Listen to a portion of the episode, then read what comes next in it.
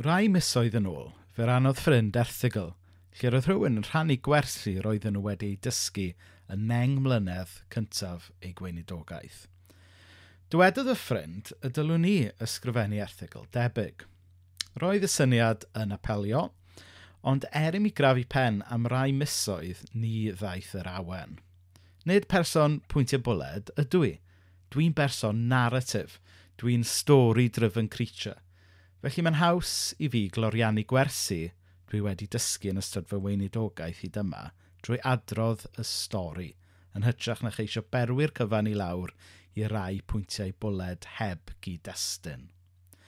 Dwi'n credu'n gryf yn bod ni gyd yn gynnyrch ein cyd-destun.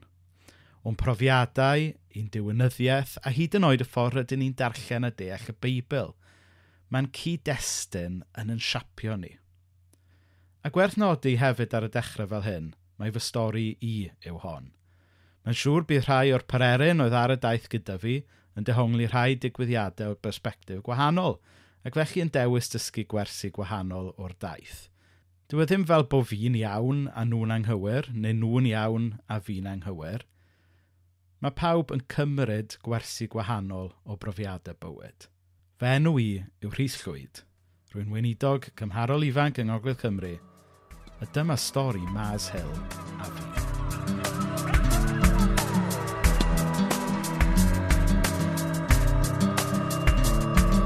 Ysbarden yn y diwedd i sgwennu rhywbeth am flynyddoedd cyntaf yng ngweinidogaeth oedd dilyn y gyfres The Rise and Fall of Mars Hill gan Christianity Today. Cyfres epic o bodlediadau, tair ar ddeg rhan i gyd – yn edrych ar lanw a thrai i wna eglwysi mwyaf dylanwadol Cresnogaeth y cyfnod diweddar. Roedd dilyn y gyfres yma o bodlediadau dros y misoedd diwetha wedi fy ngorfodi i i edrych yn ôl, ail-asesu a dysgu gwersi newydd o fy ngweinidogaeth fy hun dros y deng mlynedd diwethaf, a chloriannu rhyw dipyn am gyflwr Cresnogaeth gyfoes yn gyffredinol hefyd. G A O W A T Galwad, galwad, i faes y gat Galwad, addoliad, ar gyfer bywiad. Galwad, galwad, does yn cangymeriad G A O W A T Galwad, galwad, i faes y gat Galwad, addoliad, ar gyfer bywiad. Galwad, galwad, does yn cangymeriad Nôl yn 2006, roedd o newydd raddio Ac er na nes i byth wadu fy ffydd na gadael yr eglwys, roeddwn i wedi diflasu gyda chrysnogaeth a'r eglwys fel sefydliad. Ond wedyn yn sydyn newidiodd popeth. Ath yr undeb grisnogol yn y brifysgol ati redeg y cwrs alfa. Ar ôl bod yn cynnal cyfarfodydd ac ymgyrchoedd efengylu cwbl aneffeithiol ers blynyddoedd, fe'n synwyd wrth weld nifer sylweddol o bobl yn dod i'r cwrs alfa. – Ac erbyn diwedd alfa y tymor yna, daeth rhai pobl i gredu, gan gynnwys mena, fyddai maes y law yn dod yn wraig i fi. Wrth edrych yn ôl, dwi'n siŵr mae'r hyn ddaeth ar cyfan yn fyw o ran y cwrs alfa, ond hefyd fi yn bersonol, oedd presenoldeb yr ysbryd glân. Er mod i wedi fy magu mewn traddodiad efengylaidd, y tymor yna nes i weld reality'r efengel ar waith go iawn. Rhywbeth o'n i heb ei weld mewn ffordd mor fywiog o'r blaen. Bellach, roedd y ffydd roeddwn ni wedi etifeddu a'i gredu ers yn blentyn wedi ei danio. Fodd bynnag, roedd fy mherthynas gyda'r eglwys a'r capel fel sefydliad yn parhau i fod yn un cymleth. Nid oeddwn ni'n gweld fawr ddim o'r cynnwr fe welesh i yn y cwrs alfa yn yr amrywiol eglwysi a chapelu roeddwn ni'n mynychu ar y pryd. Ac i wneud pethau yn waith, roedd rhai arweinwyr – nid pob un, yn amheus o'r cynnwrf ysbrydol newydd yma roedden ni wedi brofi fel myfyrwyr. Tu ar un cyfnod, roedd yna symudiad yn bodoli o fewn Cresnogaeth o'r enw The Emerging Church. Roedd hwn yn symudiad anodd ei ddiffinio, ond yn fras roedd yn gasgliad o awduron, diwynyddion ac artistiad – oedd yn tapio mewn i'r diedd yma oedd yn bodoli ymysg pobl Oedd e diddordeb mewn pethau ysbrydol, gan gynnwys diddordeb yn Iesu, ond efallai wedi cael digon o'r sefydliad eglwysig. Mewn geiriau eraill, pobl fel fi. Y mantra oedd, Jesus OK, Church No Way. Roedd rhai arweinwyr o blith yr Emerging Church dal yn credu yn hanfodion y ffydd a dim ond yn galw ar fabwysiadu mynegiant gwahanol o'r ffydd. Fodd bynnag, Roedd eraill eisiau trafod a chwestiynu rhai o hanfodion y ffydd hefyd. A mae'n hawdd deall felly sut oedd arweinwyr a efengylau ceidwadol yn amheus o symudiad yr Emerging Church. Yr arweinydd cyntaf a fi'n ddylanwad arna i oedd Rob Bell, yn arbennig ei gyfres o ffilmiau byrion Numa.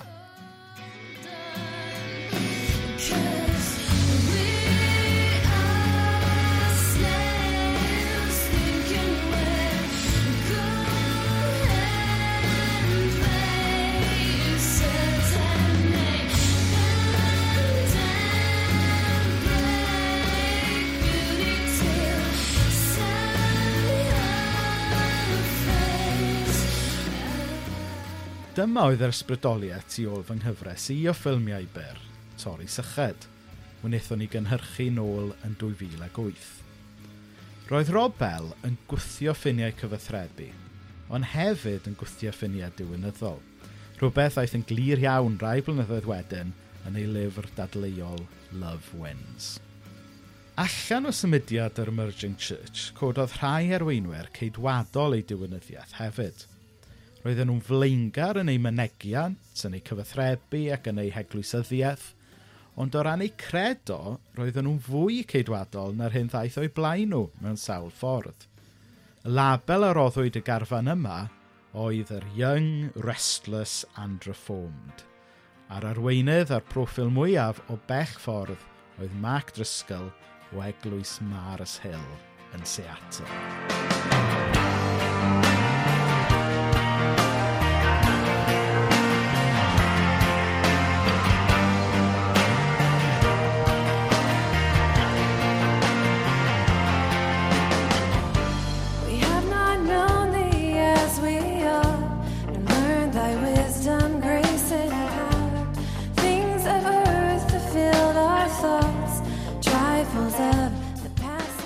Fe ym cyflwynwyd yn gyntaf i Mac Driscoll, gan rywun oedd rwy'n tybio yn poeni mod i ormod am ddylanwad pobl fel Rob Bell, ac angen yn hynny yn ôl tuag at y llwybr cil. Rhoddwyd un o lyfrau cyntaf Driscoll i fi, sef The Radical Reformation, Reaching Out Without Selling Out, ac roeddwn ni wrth fy modd efo'r llyfr yma.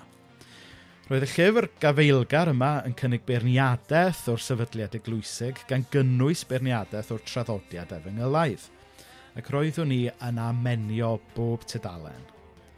Ond y wahanol efallai i rywun fel Rob Bell, roedd Mac Driscoll yn ail bwysleisio diwynyddiaeth geidwadol efengelaidd, yn hytrach na chynnig ffordd wahanol ymlaen. Ac felly fi, ar y pryd, roedd Mark Driscoll yn cynnig ffordd ymlaen oedd yn ddiwylliannol gyfoes, ond yn ddiwynyddol dderbyniol i'r byd efengylaidd roeddwn ni yn perthyn iddi.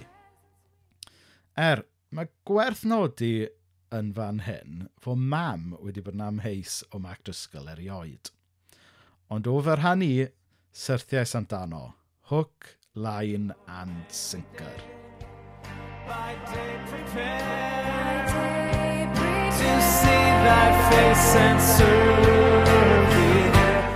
O fewn dim o dro, roeddwn ni'n gwrando ar ei bregethau bob wythnos, yn darllen ei lyfrau wrth nhw gael eu cyhoeddi, yn gwrando ar gerddoriaeth ei eglwys, ac yna o fewn dwy flynedd byddwn nhw'n teithio gyda chryw o ffrindiau i gynhadledd ar blannu eglwysi yn Llundain lle roedd yn siarad. Ar ddiwedd un o sesiynau'r gynhadledd yma, ges i gyfle i gael sgwrs fer gyda ge a chael gair o weddi, ac mae rhaid i fi ddweud ei fod yn gyfeillgar a serchus iawn y diwrnod hwnnw. A dwi'n cofio tua'r un cyfnod, ffrindiau ni yn mynd ar ei gwyliau i Vancouver, ac ar y bore di syl, wnaethon nhw'r ymdrech o'r y teg i deithio i Seattle i fynd i eglwys Mars Hill mewn person.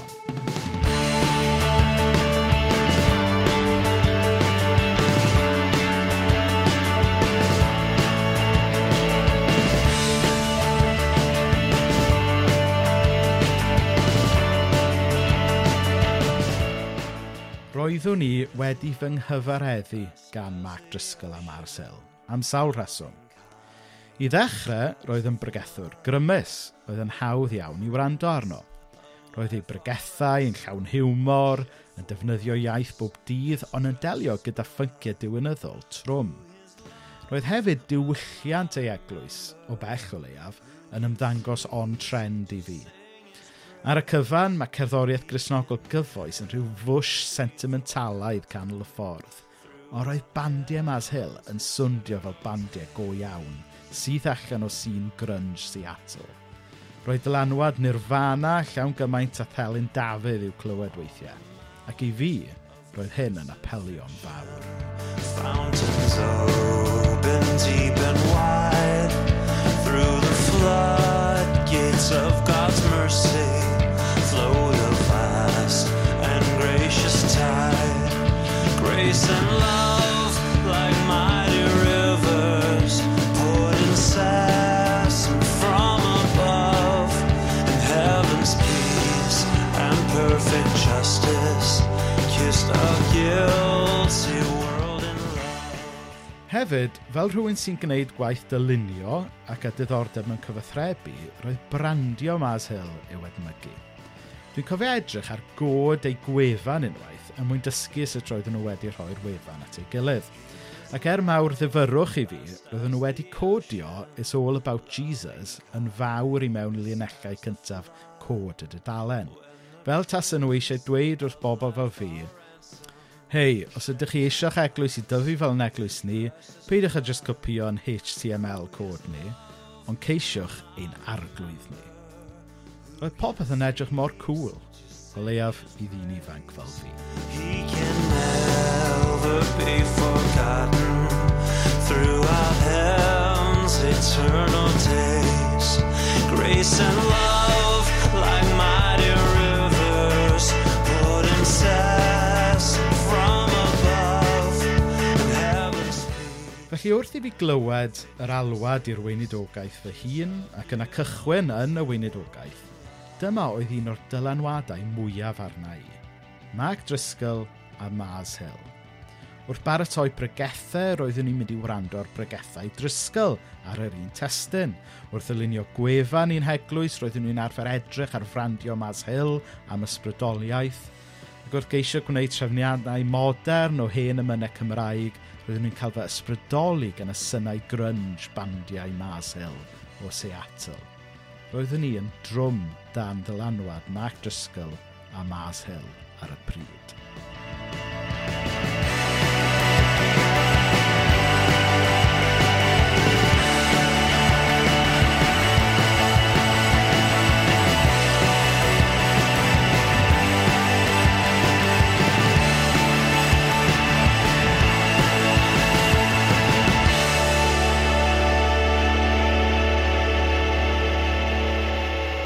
Ond wedyn, ddwy flynedd ymlaen eto, erbyn tua 2011, roedd dylanwad Mac Driscoll arna i yn dechrau pylu.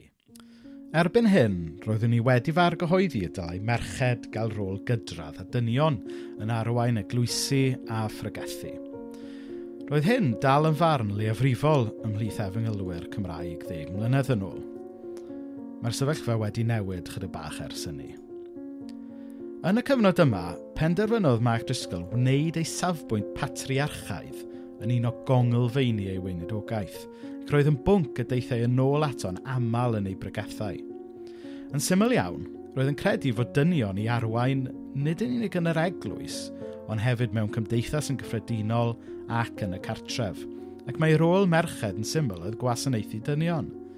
I wneud pethau yn waith, cyhoeddodd lyfr ar briodas oedd yn darllen mwy fel sex manual ar adegau ac yn defnyddio iaith oedd yn diraddio merched yn ddifrifol. Roedd e'n selio hyn i gyd ar ddehongliad simplistic ac hefyd anghywir yn fy marn i o rai rhannau dethol o'r Beibl.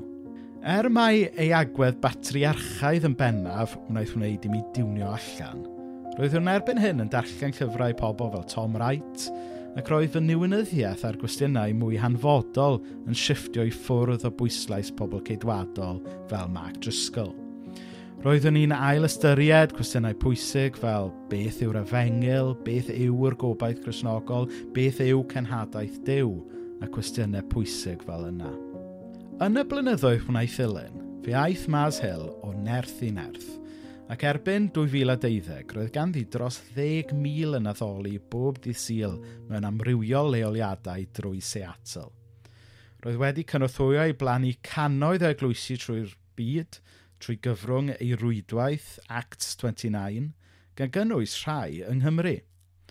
Roedd Mag Driscoll nawdur nifel o lyfrau, rhai ohonyn nhw wedi gwneud hi dop rester gwerthwyr gorau i'r New York Times – ond o fewn dwy flynedd o'i ffen llanw yn 2012, byddai'r eglwys wedi diflannu erbyn diwedd 2014 ar ôl scandal ac ymddiswyddiad Mark Driscoll.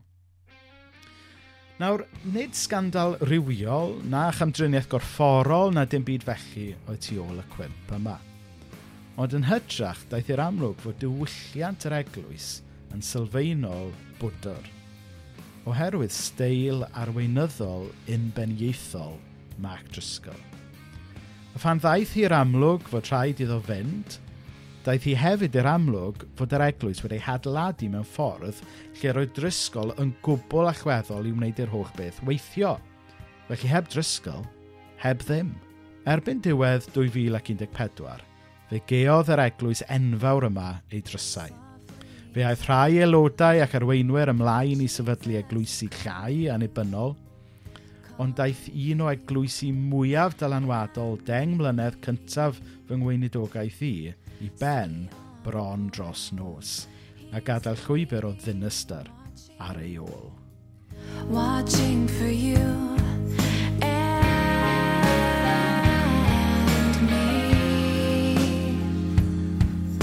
Mae'r hanes trist yma yn cael ei adrodd mewn llawer mwy o fanylder yn y gyfres arbennig gan Christianity Today. Felly gwrandewch os bydd cyfle, yn arbennig gwrandewch ar y benod gyntaf a'r rhai olaf. Roedd gwrando ar y gyfres yn rhyw fath o therapi i fi, oherwydd er nad ydw i gobeithio yn debyg iawn i Mac Driscoll, does dim gwadu i mi syrthio dan ei hyd am gyfnod – Ac wrth edrych ar gyflwr Cresnogaeth gyfoes yn cyffredinol, hyd yn oed yn y Gymru Gymraeg, rwy'n gallu gweld yr eglwys yn ailadrodd ei chamgymeriadau eto.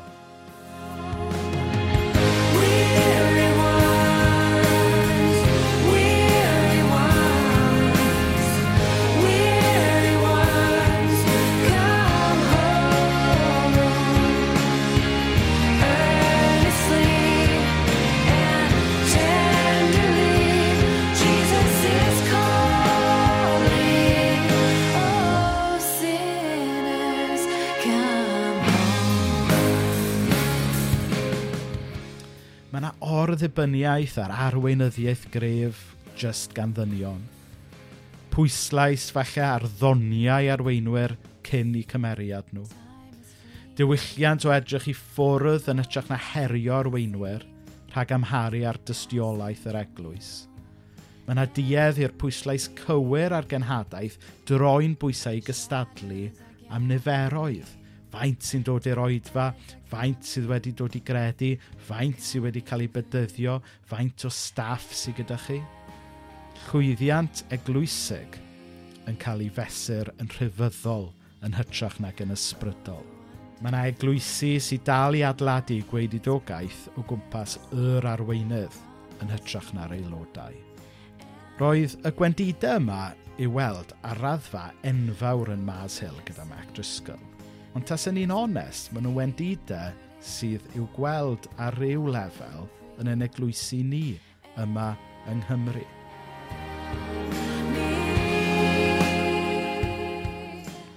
Er bod gan y gyfres sy'n adrodd hanes Mas Hill i edmygwyr, mae ganddi hefyd ei beirniaid.